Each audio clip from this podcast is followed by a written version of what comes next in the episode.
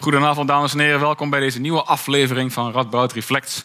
Vandaag, nieuwe cliffhanger, gaan we het hebben over Bitcoin, blockchain technologie. Uh, u weet het onderwerp natuurlijk allemaal. Uh, maar ik vraag me wel af wie van u hier is om uh, investeringsadvies te krijgen en wie hier is om meer te leren over de achterliggende techniek. Um, ik moet zelf toegeven dat ik ongeveer een maand geleden voor het eerst eens ben gaan googlen. En toen mijn neefje zei hoe rijk hij wel niet geworden was, dacht ik, nou verdorie, als hij het kan. Dus ik heb zelf ook een beetje paar valuta gekocht en zo. Um, en ik moet wel zeggen dat daarmee ook mijn interesse voor de techniek ook wel gewekt werd. Dus ik ben ook blij dat daar voor dat aspect vanavond aandacht gaat zijn. Uh, maar misschien een show of hands, even wat publieksinteractie. Zijn er onder u mensen die uh, bitcoins hebben of andere cryptovaluta? Sorry, ja. ja. Dan, dan, denk ik dat we zelfs hier de gemiddelde Nederlandse... Of ik weet niet hoeveel mensen in Nederland gemiddeld cryptovaluta hebben... maar dat zijn er denk ik minder dan hier. Um, maar niet, niet onaanzienlijk. Dus, uh, maar ik ben bang dat we niet vanavond uh, tradingadvies gaan geven. maar wat we wel gaan doen is natuurlijk kijken naar... oh, laptop dicht, ben weg. Ja. Kijken naar ja, wat, is die, wat is technologie. We gaan kijken, even, zometeen eerst een praatje van Jaap Henk Hoepman. Of een praatje, een, een interessante lezing. hij is docent Privacy Enhancing Technologies hier in Nijmegen. en ook directeur van het Privacy and Identity Lab. En hij zal ons wat vertellen over de technologie achter, het, achter dan Bitcoin. We gaan het over blockchain hebben. Er zijn nog meerdere technologieën die hier een rol spelen, maar daar komen we misschien in het gesprek daarna op terug. Het doel hiervan is niet dat u straks allemaal precies weet uh, hoe een consensusalgoritme werkt. Uh, maar wel dat u genoeg weet van de technologie om dan mee te kunnen denken en mee te kunnen praten. Want daarvoor is gelegenheid uh, over de potentiële maatschappelijke implicaties van technologie als dit. Dus Jaap Henk Hoepman allereerst. En daarna gaan we in gesprek met Robert Rademakers, ook hier aanwezig. junior onderzoeker en docent economische theorie en economisch beleid hier aan de RU. En samen gaan wij dan in gesprek na de praatjes over maatschappelijke implicaties en vragen over technologie, nadelen die eraan kleven en alles wat u maar kunt verzinnen, want nogmaals, er zal ruimte zijn voor input vanuit u. dan nu de vloer voor ons eerste spreker. Dankjewel.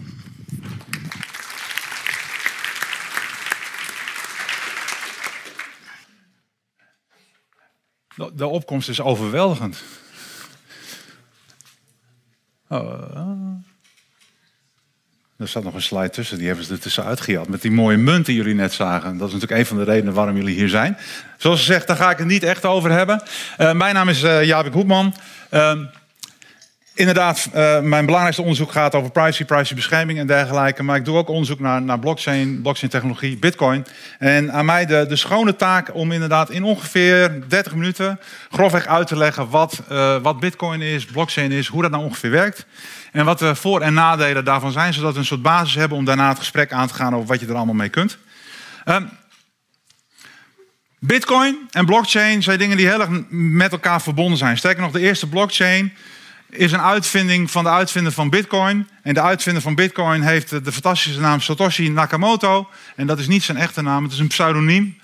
Van, waarvan men denkt, eerlijk gezegd, een van de drie, van de drie uitvinders. Het is niet waarschijnlijk één persoon, twee of drie mensen uit de, uit de security crypto wereld hebben in 2008 Bitcoin bedacht. En waarom hadden ze Bitcoin bedacht?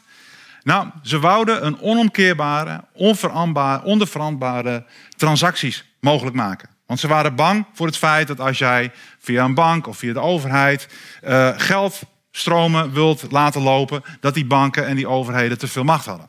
Dus er zit ook heel duidelijk een politieke gedachte achter de oprichting van de Bitcoin. En het mooie is dat uh, Satoshi een, uh, een systeem bedacht, een technisch systeem bedacht, op basis van peer-to-peer technologie, die het mogelijk maakt dat mensen onderling transacties doen, bitcoins uitwisselen, en onderling, onderling uiteindelijk ook consensus, overeenstemming bereiken over welke transacties nou zijn uitgevoerd en in welke volgorde. En dat heet dat consensusalgoritme. Nou is het rare, als je dan gaat, een beetje dieper gaat kijken van hey, hoe werkt bitcoin nou eigenlijk. Dus een van de eerste vreemde dingen is dat er eigenlijk niet zoiets is als een bitcoin. Dat zou je verwachten als je naar de techniek kijkt. Maar eigenlijk is de basis van bitcoin zijn gewoon transacties. In de zin van ik geef een bepaalde hoeveelheid waarde, uitgedrukt, uitgedrukt in bitcoin, van het ene zogenaamde adres, bitcoin-adres, naar het andere bitcoin-adres. En die bitcoin-adressen moet je een beetje zien voor die mensen die verstand hebben van cryptografie als een publieke sleutel die bij eh, dat adres hoort. En als je de bijbehorende privésleutel hebt, kun je aantonen dat je controle hebt over dat adres. En dat betekent ook dat je transacties van dat adres naar een ander adres kunt doen. Dus dat is de essentie, de basisidee van wat, een, wat Bitcoin doet, is dus transacties van een adres naar een ander adres doen. Transacties worden uitgedrukt in, in, in eigenlijk Satoshi. En een Satoshi is een 100 miljoenste uh, Bitcoin.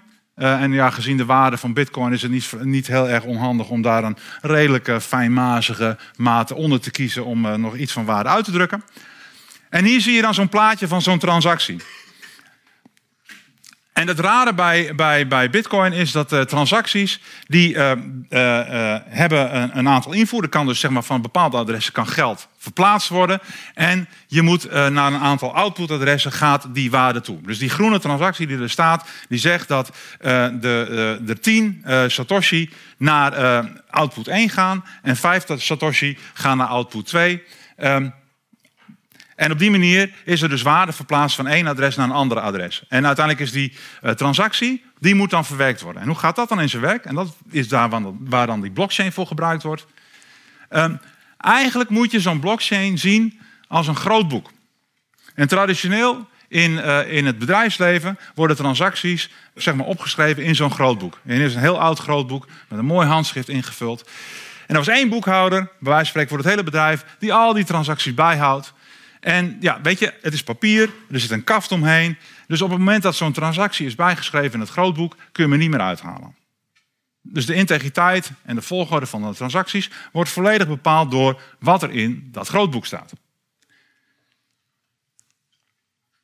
Wat die blockchain nou uiteindelijk implementeert, is een zogenaamd gedistribueerd grootboek. En het Engelse woord voor grootboek is ledger. Vandaar dat je ook wel vaak het woord distributed ledger hoort als je mensen over blockchain hoort praten. Eigenlijk is het idee dat er een aantal boekhouders zijn in de wereld die gezamenlijk een groot boek bijhouden.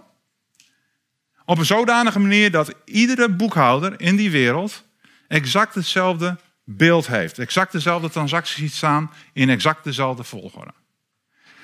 En nee, je wilt dan niet iets doen wat voor de hand ligt en ergens in die centrale cloud die daar staat, zeg maar een Google Docs creëren waar je alle transacties neerzet. Want dat is wel makkelijk, want dan weet je zeker dat alles gesynchroniseerd is. Maar dan heb je ook meteen het grote probleem dat Google kan bepalen wat die transacties zijn, ja dan nee. Dat was natuurlijk niet de bedoeling. Hè? Je wilt geen centrale partij hebben die dit allemaal kan doen. Nee, je wilt het volledig decentraal maken. Nou, en zijn, nou is de grap. Er zijn eigenlijk twee soorten blockchains. Je hebt de zogenaamde permissionless blockchain. Dat is de blockchain die onder Bitcoin ligt. Waarin iedereen jullie allemaal bij wijze van spreken, als boekhouder van dat grootboek dienst kan doen. En iedereen kan daaraan meewerken, iedereen kan dat doen. En je hebt aan de andere kant de zogenaamde permission blockchains. En dat zijn blockchains waarin een beperkte, kleine groep boekhouders van tevoren is aangewezen als de partijen die het grootboek bij gaan houden. Dan, is, dan kun je nog het onderscheid maken of iedereen uiteindelijk in die permission blockchain kan kijken. Of alleen maar die boekhouders zelf. En dit is typisch een soort blockchain. Dus die permission blockchains worden heel veel door bedrijven en banken gebruikt. Omdat zij een aantal partijen kunnen aanwijzen die zij vertrouwen en waarmee zij die transacties willen verwerken en waarmee ze dat grootboek willen bijhouden. Um, waarom doen ze dat? Waarom gaan bedrijven en banken gebruik maken van die permission blockchains? Nou, die maken gebruik van een veel efficiënter consensusalgoritme. Ga ik verder niet op in. De grap is wel dat ik ooit, het is nu ongeveer 30 jaar geleden, denk ik, promotieonderzoek deed in Amsterdam.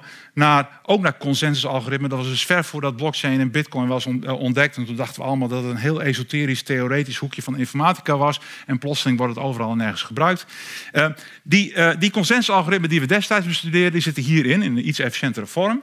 Het nadeel van die consensusalgoritmen is dat ze alleen maar kunnen werken met een kleine groep boekhouders. Dus als iedereen hier in deze zaal gezamenlijk een blockchain zou willen bijhouden, dan kan dat niet met zo'n consensusalgoritme. Dat is veel te inefficiënt. Dan moet je naar zo'n permissionless toe. Dus in de rest van het verhaal zal ik vooral gaan praten over die permissionless blockchain, omdat die in principe het meest gedecentraliseerd is en uiteindelijk ook onder de Bitcoin ligt, om een beetje een beter beeld te geven wat er nou precies mee gebeurt. Nou, wat ik al zei, in Bitcoin gaat het erom dat je transacties wilt verwerken. En daarvoor gebruikt Bitcoin een peer-to-peer netwerk. Dat is een netwerk waarin berichten direct van jou met je peers en die weer met andere peers in een volledig gedistribueerde manier uiteindelijk over het hele netwerk verspreid worden. Er is dus niet één centrale partij die daartussen kan zitten, kan zeggen deze transactie sturen we lekker niet door en dan komt die nergens terecht. Dat is een van de basisdingen die onder Bitcoin ligt. Ehm, wat gebeurt er nu als Alice een betaling wil doen aan Bob, een transactie wil doen? Dan stuurt Alice die transactie naar haar peers en die stuurt het weer verder door. En iedereen verifieert die transactie. Maar dan is de vraag van hoe moet je dat nou verifiëren? Hoe moet je dat nou doen? En hoe voorkom je, en dat is het allerbelangrijkste, hoe voorkom je dat iemand probeert om een bitcoin twee keer uit te geven? Want dat is natuurlijk wat je, als je hè, virtueel geld hebt, dan is dat het allerbelangrijkste wat je zou willen kunnen doen. Als je 100 bitcoin hebt, is het perfect als je 100 bitcoin aan één iemand kunt geven om een auto te kopen. Dat lukt ongeveer nog wel met de waarde, denk ik. En uh, ergens anders om uh, een boot te kopen, dan ben je spekkoper. Dus dat wil je voorkomen. En daarvoor is dat consensusalgoritme nodig. Daarom is het zo belangrijk dat al die boekhouders in dat Bitcoin-netwerk exact overeenstemmen over welke transacties zijn verwerkt. Of uiteindelijk wie hoeveel Bitcoin heeft. En hoe doe je dat nou?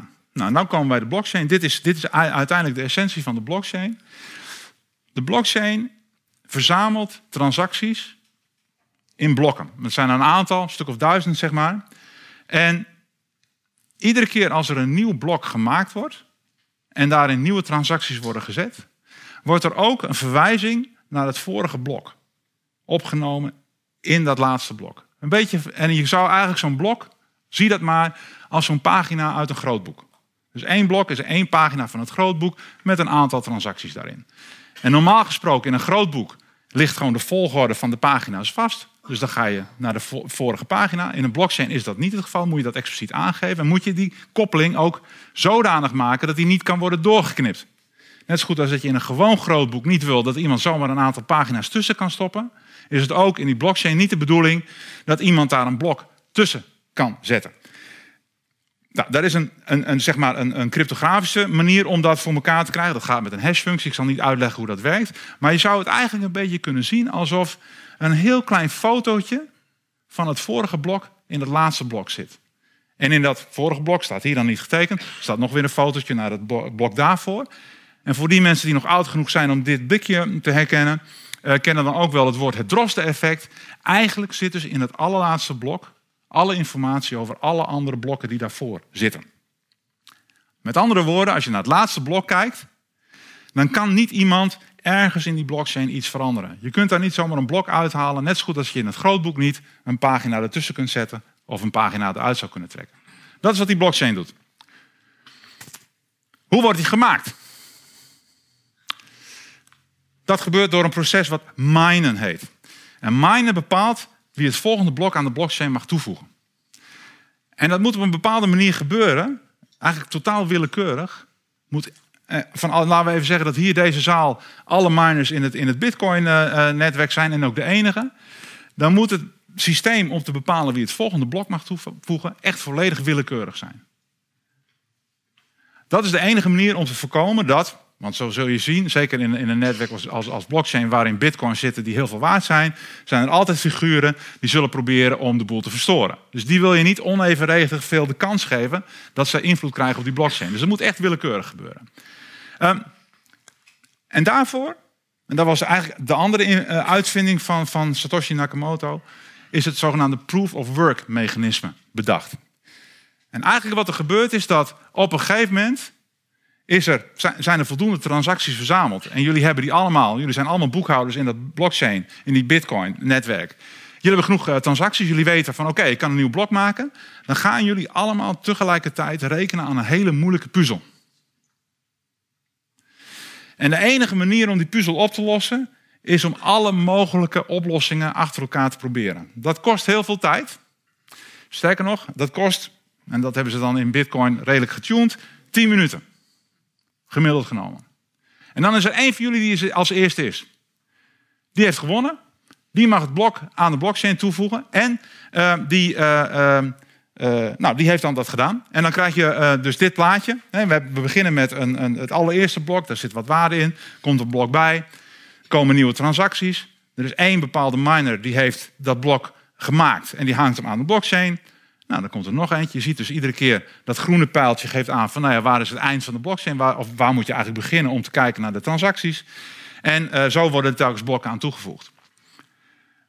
Waarom is dat minen nou zo heel erg belangrijk? We zien daar die ene rode transactie waarin een bepaalde hoeveelheid waarde naar Bob toe gaat. Dan moet je nou voorstellen wat er zou gebeuren als er een aantal kwaadwillende miners gaan samenwerken. En als het proof of work mechanisme niet zo zou werken als het werkt. En dat die mensen snel een aantal blokken gaan maken. Zodanig dat in plaats van die transactie naar uh, Bob, een uh, transactie naar Eve gaat. Dat is een beetje lullig. Was eerst 10 bitcoin aan Bob gegeven. Die heeft er misschien een. Nou, wat, wat kun je kopen voor 10 bitcoin? Noem eens wat. Een auto. Huppatee. Kleintje, kleintje denk ik tegenwoordig. Ah, gaat redelijk hè? Ja, oké. Nou. Balen. Want nu is plotseling, en dat is de grap hè, bij, bij, bij bitcoin geldt de langste keten. Dus nu is plotseling die transactie naar Bob niet meer geldig. En is die transactie naïef geldig geworden. Nou, dit wil je voorkomen en dit is precies de reden waarom je proof of work hebt. Om te zorgen dat de, de, de, de meerderheid, die, die eerlijk is, ook een, zeg maar, meer kans heeft om blokken toe te voegen dan die kleine minderheid die misschien malafide is. Dan zou je zeggen, oké, dat is leuk, mooi. Maar ja, ik heb net gezegd, hè, die, die, die, uh, uh, dat minen, het vinden van een blok, kost ontzettend veel rekenkracht. Uh, dat betekent dat kost energie. Dat betekent dat kost investeren in hardware. Om te zorgen dat miners inderdaad dit gaan doen, is door ervoor te zorgen dat ze een beloning krijgen als ze een blok minen. Dus de winnaar van die puzzel, degene die als eerste die puzzel oplost, die krijgt een beloning. Nou, die beloning die neemt af naarmate er meer uh, blokken op de blockchain komen. Um, en wat je ook ziet is dat transacties een bepaalde fooi kunnen bevatten. Dus in principe kun je ook, als je een transactie wilt laten verwerken door de blockchain, door de Bitcoin-netwerk, kun je ook zeggen: Weet je, miners, als je mijn transactie meeneemt, krijg je een fooi van zoveel Satoshi. En dan is het idee natuurlijk dat als je maar genoeg fooi geeft, dan is de kans dat jouw transactie meegenomen wordt groter dan als je geen fooi geeft. En dit is allemaal nodig om die kosten die die miners maken om te minen, elektriciteitskosten, specifieke hardware om die puzzel zo snel mogelijk op te lossen, uh, moeten maken. Om te zorgen dat ze mee gaan doen. En wat je nou ziet, is dat omdat de kans dat je wint. Ook al hadden we deze groep is de kans al heel klein, maar moet je je voorstellen dat er miljoenen miners zijn. Dus de kans dat je wint als miner is heel erg klein. Je hebt wel heel veel kosten gemaakt. En iedere keer doe je die puzzel mee. Dus je besteedt ontzettend veel geld aan energie en dergelijke. Je hebt geïnvesteerd in hardware. En voordat je misschien je eerste mining reward vindt, kan zomaar een jaar duren. Ja, dat is een beetje vervelend. Dus je ziet dat die miners gaan samenwerken in zogenaamde mining pools. Die hun winst onderling verdelen naar rato van de, zeg maar, de rekenkracht die ze inbrengen in die pool.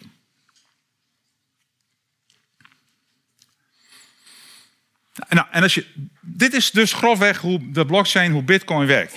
En als je daar nou naar gaat kijken, dan zie je een aantal belangrijke nadelen in dat bitcoin-netwerk, in die blockchain. Een van die dingen is dus die mining pools. Die mining pools die werken samen.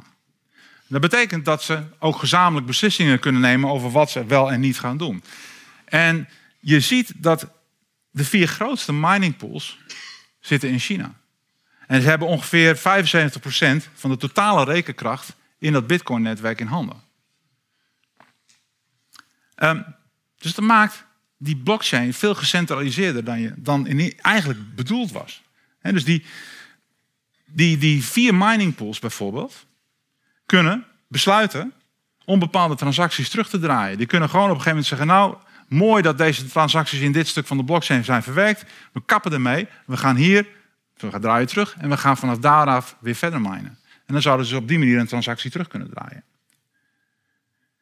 Een andere vorm van centralisatie die je ziet, is dat uiteindelijk is de blockchain, is Bitcoin een stukje software. Dat stukje software wordt ontwikkeld door een aantal softwareontwikkelaars. In principe is dat allemaal open source, daar kun je allemaal naar kijken. Er zijn allerlei mensen die voorstellen kunnen doen over nou, wat, wat de code doet. Die kunnen zeg maar, verbetervoorstellen doen. Die kunnen zeggen van, hé, hey, er zit misschien hier iets in, verander dat. Maar er zijn uiteindelijk maar drie mensen in de hele wereld die echt schrijftoegang hebben, commit access zoals dat heet, tot die Bitcoin software. Dat betekent in ieder geval dat ze allerlei veranderingen kunnen tegenhouden. En dat gebeurt dus ook. En dat is een probleem. Dus dat is een tweede vorm van centralisatie. Nou, tweede probleem is, is dat Bitcoin heel erg slecht schaalt.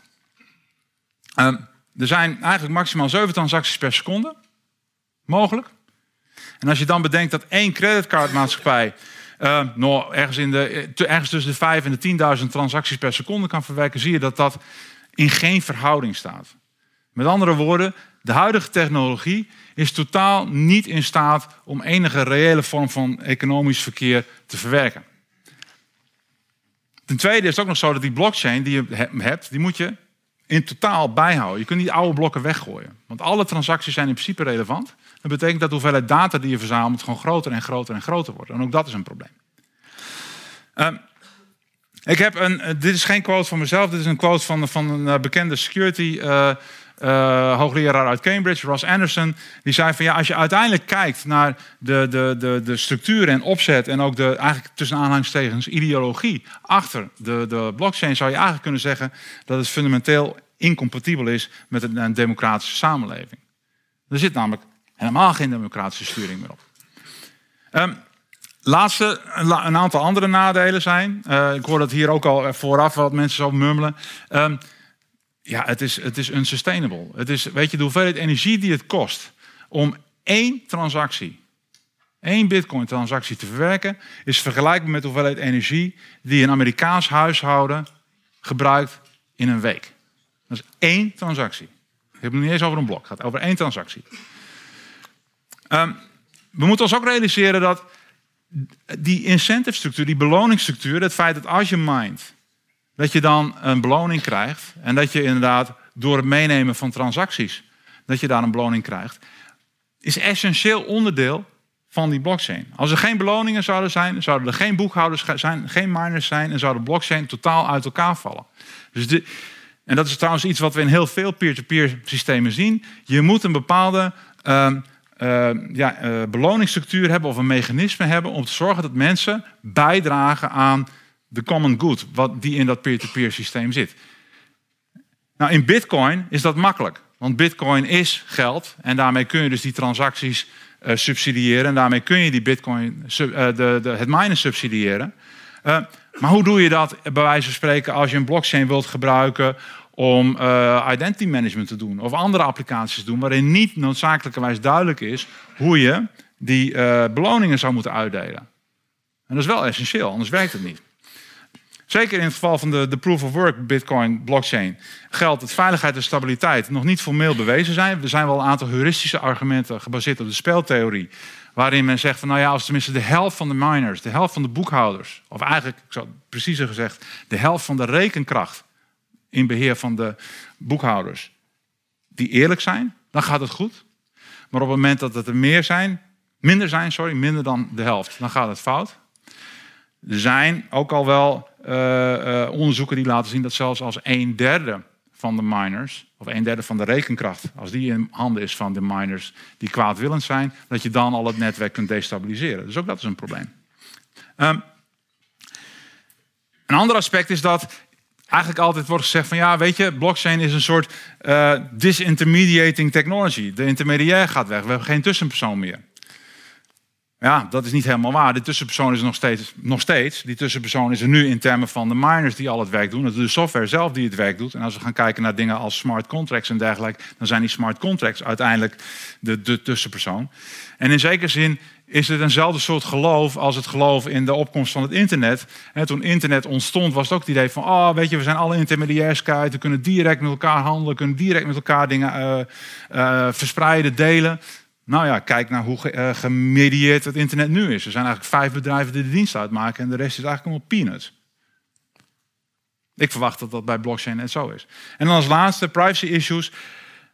Heel, dat is erg grappig. Heel veel mensen denken dat de bitcoin anoniem is.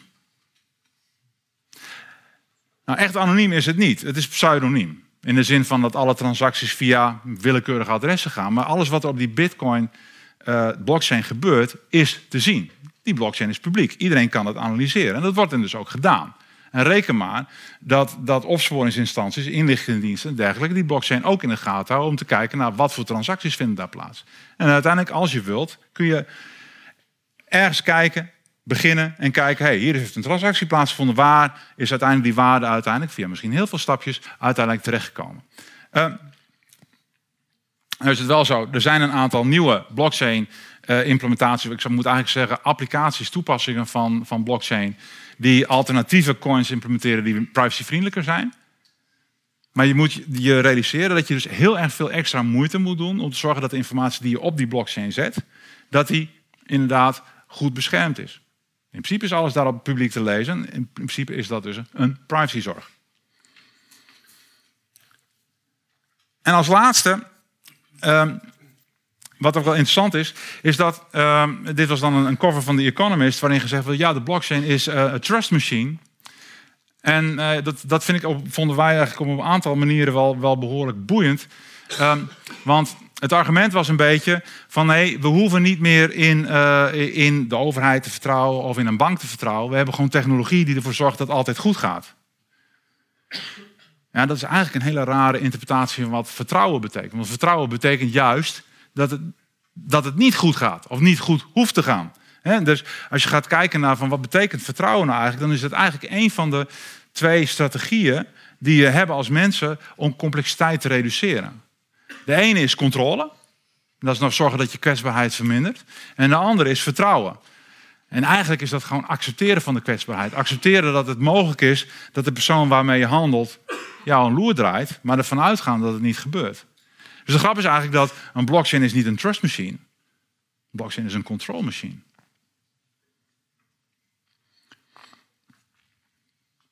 En als je daarover door gaat denken, dan is het misschien zelfs wel zo dat, dat blockchain nog een veel sterkere controlmachine is dan het internet. En misschien wel de grootste intermediair is die je kunt bedenken op dat internet. Um, ik hoop dat met dit praatje uh, in ieder geval duidelijk is geworden dat um, die blockchain als ideaalbeeld, als een soort gedecentraliseerde, onweerlegbare, niet terug te draaien database van transactie, dat die in ieder geval nu nog niet bestaat. Als we kijken naar de implementaties van de blockchain, zitten er al die nadelen aan waar ik het net over had. Um, maar daarnaast is het ook nog een keer zo dat als je uiteindelijk die blockchain gebruikt in een bepaalde toepassing, uiteindelijk ja, dat vertrouwen wat je nodig hebt, uh, ja, dat moet op een manier wel van buiten naar binnen komen. Het is niet, dat ontstaat niet zomaar. Informatie is er niet zomaar. Informatie moet uiteindelijk uit de werkelijke wereld komen, misschien in die blockchain verwerkt worden. En hoe doe je dat dan? Dan moet je wel op vertrouwen dat het goed gaat. Dus uiteindelijk is het, om de boel heel erg plat te slaan, heb je een blockchain nodig voor een toepassing. Nou, in mijn ogen alleen als er aan twee voorwaarden is voldaan. De eerste voorwaarde is dat de volgorde van transacties ertoe doet. Dus je bent transacties aan het verwerken en de volgorde daarvan is van belang. Dat is één. En twee, er is geen centrale autoriteit die je kunt vertrouwen. De omkering van die stelling is dus, als er wel een centrale autoriteit is, of als je geen transacties verwerkt waarin de volgorde van belang is, heb je geen blockchain nodig. Dan kun je beter misschien gebruik maken van een peer-to-peer netwerk. Of een gedistribueerde database of iets dergelijks. En ik zie, eerlijk gezegd, als ik kijk naar mensen en partijen die blockchain uh, proberen toe, te passen, is dat veel meer vanuit de gedachte van ja, we willen decentraal werken. Nou, ga dan inderdaad kijken naar peer-to-peer toepassingen en dergelijke. En dat dat heel erg zinvol is. Maar die peer-to-peer toepassingen zijn veel meer sustainable en veel, meer, veel efficiënter dan de blockchain waar mensen nu over praten. Ik hoop dat een beetje een beeld is geschetst van wat, wat die blockchain en die bitcoin doet. Uh, en ik hoop dat we daarmee een mooie basis hebben voor onze discussie.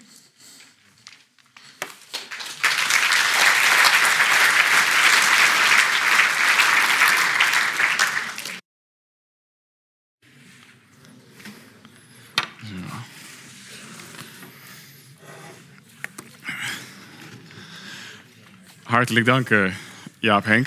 Ik moet zeggen, ik voelde me wel een beetje, terwijl ik hier zat te luisteren naar jou, ik voelde me als John Cleese in die sketch. Oh ja? Ik wil wel steeds zeggen, no it isn't. No it doesn't.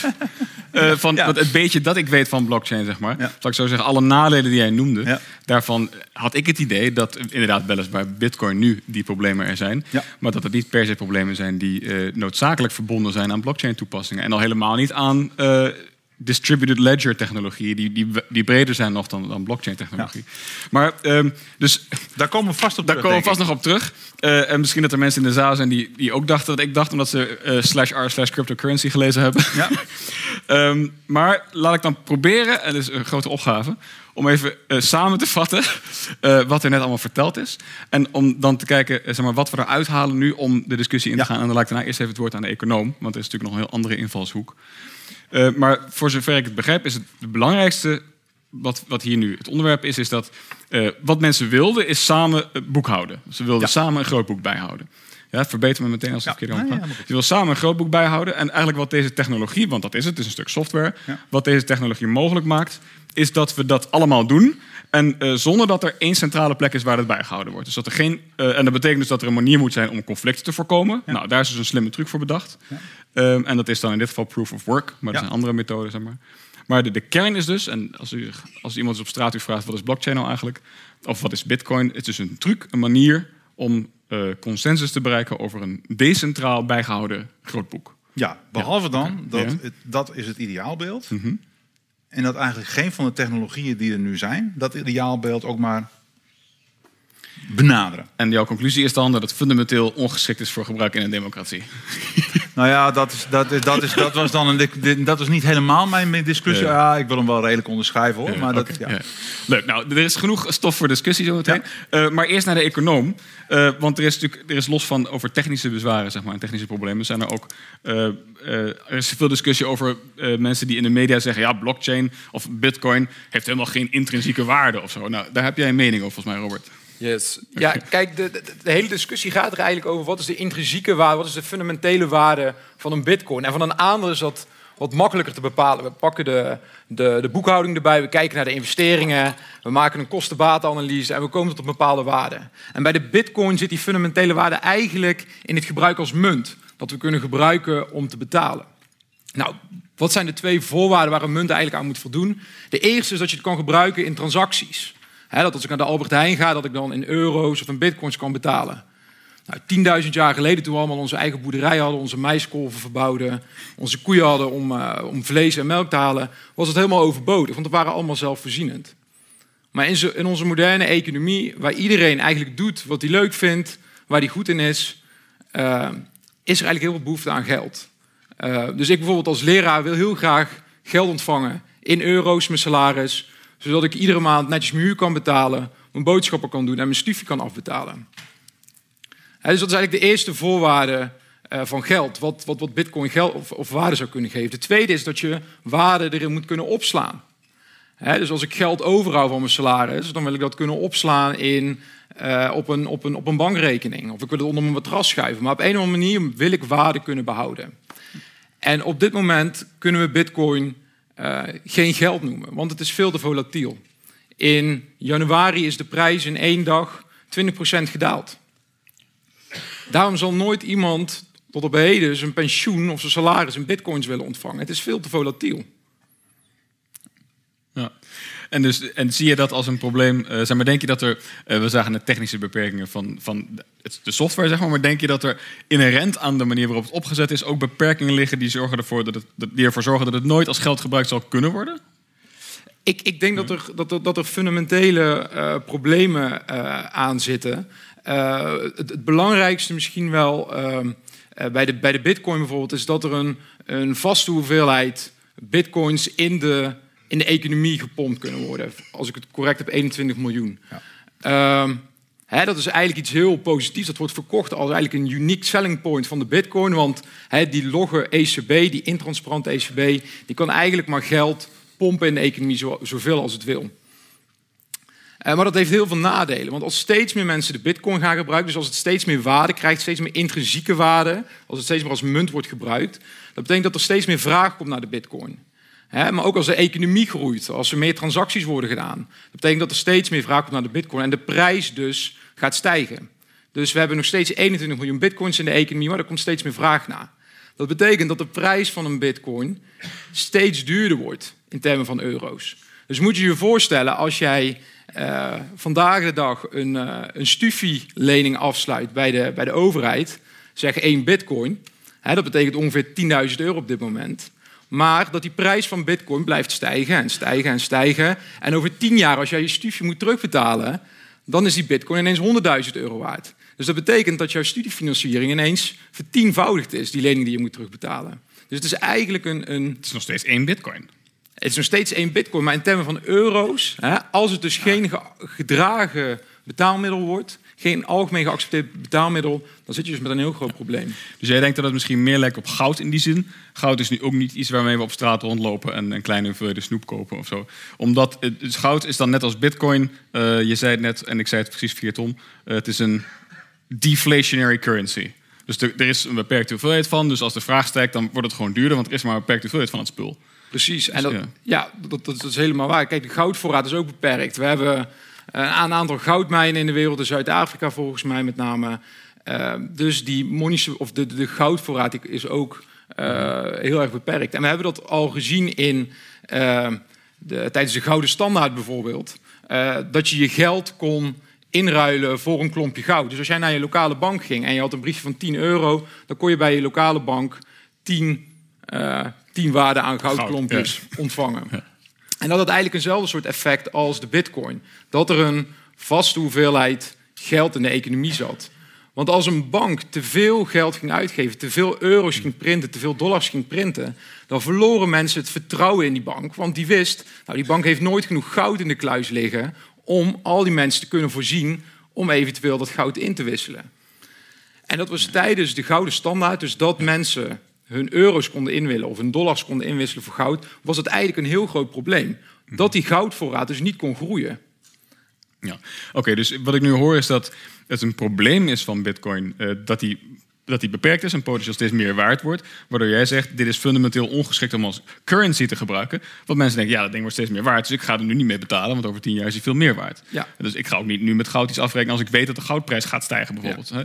Maar denk je dan dat er misschien uh, andere andere software is voor distributed ledger bijhouden, zeg maar, dat uh, misschien inflationaire software, dus waar de munten steeds bij kunnen komen, zeg maar. Dus munten met een eindeloze hoeveelheid coins, om het zo maar te noemen. Dus zie je daar wel potentie in? Denk je dat zoiets eventueel euro's zou kunnen vervangen? Maar dan rijst direct de vraag van hoeveel geld moet er bijgedrukt worden? En nu, en dat heeft mhm. Jaap Henk uh, inmiddels al aangegeven, we hebben een Europese centrale bank. Die moet ieder jaar verantwoording afleggen aan ons parlement, aan ons Europese parlement. Die wordt gedragen door onze, door onze instituties. Daar hebben we enorm veel vertrouwen in. uh, althans, als we vertrouwen hebben in onze grondwet. Um, maar met zo'n bitcoin, wie gaat bepalen hoeveel extra geld er wordt gedrukt, wanneer, hoe, aan wie wordt het gegeven? Ja. Nee, want je kunt natuurlijk wel van tevoren zeggen: dit is de software, dit spreken we af en er zullen nooit meer dan 21 miljoen zijn. Ja. Maar als je dan op een gegeven moment moet gaan besluiten over we gaan er 2 eh, miljoen bijdrukken of 20 miljoen bijdrukken, dan krijg je natuurlijk het hele probleem opnieuw dat er ja, dat een centrale instantie moet gaan zijn die misschien meer uitgeeft. Maar dat is toch in essentie, het is ook in essentie politieke keuze. Ja. Wanneer gaan we geld bijdrukken en wanneer niet? Dat is mhm. niet een, een algoritmische keuze of iets dergelijks. je, je, hebt op een gegeven moment zit in een bepaalde economische situatie en dan zeg je van nu moeten we dit gaan doen. Okay. Dat laat je niet afhangen van een algoritme, wat mij betreft. En dat moet je ook niet willen wanneer gaat die, die, die cryptocurrency dan bepalen wanneer er wel geld naar Griekenland gaat en wanneer niet bijvoorbeeld? Nee, maar dan zou dat. Uh... Volgens mij is dat wat anders. Ik ben natuurlijk geen econoom of zo. Maar zeg maar. oh, ja. Ik ook niet hoor. Nee.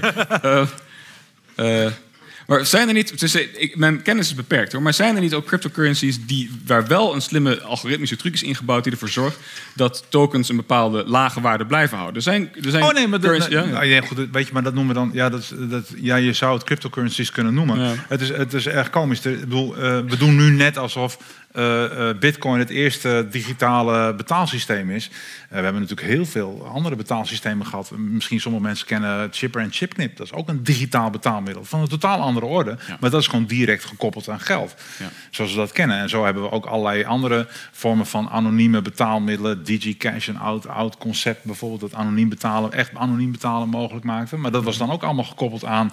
Oké, er is je hebt, je hebt geld in termen van euro en je kunt gewoon een digitale equivalent van een euro kopen. En die kun je gebruiken als een euro. Ja, maar dit, dit zijn geen, want we hebben het hier over distributed ledger technologieën. Ja. En die chipknip, dat is gewoon Nee, dat was niet- dat was niet gedistribueerd. Nee, Nee, nee, nee, precies. Maar zijn er niet ook distributed ledger technologieën die wel op een bepaalde manier reguleren? Dus bijvoorbeeld ehm, V-chain, is geen belegadvies. Ja, is een andere eh, eh, blockchain toepassing. En Ja. ik denk dat het blockchain is, ik weet het niet eens zeker. Maar die richten zich erop dat, eh, dat je met bepaalde dat je tokens of transacties kan koppelen, of adressen kun je koppelen aan fysieke producten. Zodanig dat je, eh, als je een product in de supermarkt tegenkomt en je scant de code, dat je precies ziet welke route dat product heeft afgelegd, zodat je weet dat het eh, uit een slavenland komt of niet, zeg maar. Ehm, en die tokens, die zijn dus eh, een toepassing. Dus die tokens zijn bedoeld als utility token. Dus die zijn bedoeld om gebruikt te worden. Die moeten zijn dus ook bedoeld om zo goedkoop mogelijk te zijn. Ja, maar dan heb je het over een heel andere toepassing. Dan heb je dus eigenlijk over een toepassing van, Ja. de, bl- van de blockchain o- Ja. om bijvoorbeeld een Ja. supply chain eh, te bewaken. Precies, dus eigenlijk dwalen we af en zeggen we nu... er zijn meerdere toepassingen voor blockchain. Misschien, ja, dat zou Nee, kunnen. ja, ja. oké. Maar dus jouw eindoordeel, of nou ja, dat hoef je nu niet te geven... maar jij zou zeggen, het blijft echt problematisch om, als, eh, om blockchain te gebruiken... om currency te vervangen. Ja, dat zou, dat, zou geen, eh, dat zou geen toepassing zijn. Nee, ik denk dat juist de kracht van onze euro, van onze dollar is dat in tijden dat er moeilijkheden zijn, dat er geld bijgedrukt kan worden. Nou, er zijn natuurlijk zelf mensen die zeggen... ja, de hele moeilijkheden tonen nu juist aan... dat we een decentraal systeem nodig hebben... waar geen smerige banken aan zitten en leningen gaan verschaffen... die ze niet kunnen backen, zeg maar. Is het niet beter als we alleen maar geld kunnen uitgeven dat we hebben? Maar nu, nu, kom je, nu gebruik je het woord eh, smerige banken. Maar zoals ik al zei, onze Europese Centrale Bank die wordt jaarlijks gecontroleerd door het parlement. Die moet verantwoording afleggen. Die in de grondwet ligt vast wat hun bevoegdheden zijn, wat hun mogelijkheden zijn. Oké, wacht. Nee, nee. Oké, dan moet ik het punt anders maken. Ehm, eh, je had het net over trust. En dat dat eigenlijk niet echt toegevoegd wordt of zo door, door de blockchain. Of dat daar Ja. geval een probleem in Ja. zit. Eh, maar het, het is toch, als ik als, ik als consument, eh, want ik ben dan een consument en ik heb een bank en ik betaal die bank om voor mij financiële dienstverlening te doen. Mhm. Dus als ik dan met mijn bank-app eh, iets naar jou overmaak, of andersom, jij maakt iets Ja. naar mij over, Ja. dan zie ik dus in mijn bank-app zie ik mijn saldo omhoog gaan. En dan denk ik, nou ja, weet je, mijn bank-app, mijn bank, die kan ik vertrouwen. dus ik vertrouw mijn bank dan dat zij het correcte cijfer aan mij geven. Ja. En dat ze dat ook niet achteraf zullen veranderen. Ja. Dus daar zit voor mij dan dat vertrouwen in. Maar ik zou ook een blockchain software stuk kunnen vertrouwen op diezelfde manier. Volgens mij doe ik dat ook wel. Eh, om te zeggen, als dan mijn saldo verhoogt in de blockchain, dat ik denk, nou, dat, dan vertrouw ik dat wel. En dat is dus, dan geef ik dat vertrouwen aan een gedistribueerd systeem in plaats van aan mijn bank. En zo vervang ik dus niet de uitgaven van geld, waar jij net over had, Europese Centrale Bank. Maar wat ik vervang is de financieel dienstverlener die zegt, nou, geef mij je geld, maar dan ga ik dan tussen mee Ja, beleggen. maar goed, dat doe je dus Ja. weer iets anders dan, dan inderdaad een, een, een, een cryptocurrency maken. Maar dan zeg je van oké, ik ga de blockchain gebruiken als een gedistribueerde database voor eh bankaire transacties. Ja, dat is iets heel Ja, anders. maar volgens mij is dat wat de meeste mensen zien als, als potentiële revolutie. Dat we dus van de banken, die zeggen, nou, wij potten je geld op en bij ons kun je het weer opnemen als je het nodig hebt. Ja. Dat we dat vervangen. Ja, dat, dat, zou, ja, dat, kun je, dat, dat zou je in theorie kunnen bedenken. Maar nogmaals, ik bedoel, je, je gaat dan uit van een theoretische blockchain, een ideale blockchain die alle perfecte eigenschappen heeft. En wat ik net heb laten zien, is dat het helemaal niet het geval is. Dus het zou een ontzettend slecht idee zijn om een bank te bouwen, zeg maar een ING, waarin de controle niet ligt bij de, de board of directors of de ING, maar die vier mining pools in China die zeggen van, jongens, we zijn vandaag even klaar met de Nederlandse economie. Nou zijn er trouwens ook wel hackers die inderdaad op een gegeven moment de ING-platform plat kunnen leggen. Misschien komen die dan uit een ander land. Maar Maar en jij ziet dus ook geen mogelijkheden, want er zijn allerlei mensen die deze problemen signaleren. Ja. Eh, er wordt ook gewerkt aan nieuwe eh, ja, updates voor, voor Bitcoin specifiek. Dus Ja. eh, Lightning Network is iets dat bestaat. en zo. er zijn allerlei- maar, maar denk je niet dat, dat, dat er dus uiteindelijk dat we slim genoeg zijn om daarvoor voor dat soort problemen oplossingen te verzinnen? Of denk je nou, dat gaat nooit ja, lukken? nee, kijk, nou, de, de, daarin heb ik niet 100% zekerheid. Maar er zijn wel een aantal mensen die zeggen van je, moet, je wilt eigenlijk in- wat die blockchain. de- Laten we het even hebben over de, de echt gedecentraliseerde blockchain die onder Bitcoin ligt. Hè. Je wilt aan de ene kant volledige gedecentraliseerdheid. je, je wilt eh, aan de andere kant eh, eh, grote schaalbaarheid. Eh, en eh, je wilt eh, ook nog dat alle transacties direct verwerkt worden. En uiteindelijk zie je dat, zeker als het gaat om eh, schaalbaarheid en volledige gedecentraliseerdheid, die dingen die, werken tegen elkaar in. Op het moment dat het rare is ook dat naarmate er meer miners in het netwerk komen, dan wordt het moeilijker om het netwerk schaalbaar te krijgen. Dus, dus dat, dat, dat, dat lijken tegengestelde krachten te zijn, waarvan in ieder geval nu nog niemand weet hoe je dat, dat moet overbruggen. En volgens mij zit daar een fundamenteel onderliggend probleem onder. Ja, ja. oké. nou, met het, met het risico voor mijn beurt te spreken, want we gaan ook binnenkort naar de zaal, zou ik dan zeggen, er zijn ook mensen die werken, je had het over een proof of work algoritme, Ja. waar we dus heel, heel plat en misschien te simplistisch gezet, het hele netwerk, alle boekhouders zijn allemaal aan het doorrekenen of elke transactie klopt. Je kunt ook zeggen, nou we doen proof of stake, een andere vorm van toekennen wie een blok mag toevoegen aan de lijst. En dat betekent dus dat maar één iemand dat hoeft te doen. Enorme schaalbesparing en zo. En er zijn ook nog van- los van blockchain ook nog weer technologieën zoals directed acyclic graphs, dus hele andere manieren. Ja, nee, klopt. Ja, nee, maar goed. Dus, dus eh, proof of stake is inderdaad eh, heel grof gezegd is daar, eh, daar het mechanisme. Degene die het meeste bitcoin heeft mag, mag bepalen. Ah, ja, ja. Ik zie Nou, je voelt, je voelt de nadeel al, hoop ik. En, eh, en, als je en, en dan heb je, als je gaat over eh, de andere technologie, eh, wat, wat ik net al zei op een gegeven moment, eh, van in die permissioned blockchains heb je iets wat, wat dan ook, waar dus ook een consensusalgoritme onder ligt. Dat heet dan Byzantine fault tolerance. Dat is op zich een, een heel goed bestudeerd algoritme waarin, de, waarin vertrouwen is in dat het werkt. Alleen ook daar is het vervelende weer. Dat werkt alleen maar als je een klein aantal, tientallen, tientallen, dat is wel ongeveer het maximum, boekhouders van tevoren aanwijzen. Zeggen van oké, jullie moeten het doen. Nou, Dus dan, is dat, dan is dat een beetje decentraler dan zeggen van ik vertrouw de ING. Maar ja, dan kom je op het niveau van nou ja, we vertrouwen de, de, de, de, de hoeveel, hoeveel eh, staten hebben tegenwoordig in de Europese Unie? Dat weet ik, ik praat het tel kwijt. Twintigtal zeg maar. En that's it, weet je. En, maar goed, heb je dan het probleem opgelost? Als je echt, echt decentraal wil zijn, als je echt peer-to-peer wil zijn, dan zou je zeggen nee, je hebt het probleem niet opgelost. Oké. Jij had het eerder vanavond over dat, dat er banken zijn nu die denken van... hé, hey, eh, je hebt blockchain, is dat misschien een bedreiging voor ons businessmodel of zo? Maar dat er tegelijk ook banken zijn die zeggen, nou, daar gaan we iets mee doen. Eh, Ripple is dan een, currency die naar voren komt, zeg maar. Weet jij van banken die denken, nou, wij gaan, wij gaan ons dit eigen maken of zo? We gaan er iets mee doen? Nou, ik, ik, ik weet niet direct banken in, in, in Nederland die daar eh, actief mee bezig zijn. Ik weet wel dat de, of de Nederlandse Centrale Bank... die heeft een soort sandbox geopend. Dus eh, banken, instituties in Nederland... die mogen gaan experimenteren met blockchain-technologie. En dat is in principe heel erg goed. Dat moeten we absoluut toejuichen. Want het probleem in de financiële wereld... en met financiële innovatie is eigenlijk tweevoudig. Of we hebben te weinig regulering, of we hebben te veel regulering. Als we iets te veel gaan reguleren, dan gaat het allemaal ondergronds. Dus als we de bitcoin en de blockchain en de cryptocurrencies, als we, dat, als we dat te veel aan banden proberen te leggen, eh, dan krijgen we een soort Titanic-effect, waar we een heel klein beetje van de ijsberg boven water zien drijven. Maar het meeste zit ondergronds en kunnen we als overheid of als, als academische instituties, kunnen we heel moeilijk onderzoeken. Dus het is heel goed dat de Nederlandse bank hier eh, wat mogelijkheden voor biedt. Ja, en het is ook nou overigens zo. Ik weet van een aantal banken die gewoon echt eh, behoorlijk grote teams hebben die bezig zijn met blockchain en blockchain technologie om, om daarmee te spelen. Bijvoorbeeld, eh, als ik het goed heb, eh, Goldman. eh, Maar ING in Nederland bijvoorbeeld doet, doet het bijvoorbeeld. En bij de Rabobank kun je tegenwoordig je private keys in bewaring geven... als je jezelf niet vertrouwt. Oh, gaan echt weer als bank fungeren, ja, ja, nou, ja. ja, ja, ja. Ja. Ja, waar gaat het ook alweer mis altijd? Ja, dat ja, ging bij die exchanges en Mount Ja, Gox ja. en zo. Ja. Ja. Die. Ja, precies, ja. Heel goed. Er is ook, zoals we gezien hebben, vandaag heel veel discussie over. En jullie zijn vast nog niet klaar. Nu wil het geval dat wij naar het cultuurcafé gaan voor een biertje. Yes. Eh, en dat u ook van harte welkom bent om mee te komen. Ehm, en ook van harte welkom bent om bij de volgende Radboud Reflex activiteit aan te sluiten. En ik denk dat we dan nu helaas noodgedwongen eh, de avond moeten afsluiten. Dank u wel voor uw komst. Ja, oké. En bedankt. Jullie bedankt. Hè. Ja. Hey, dankjewel. Ja. Ja.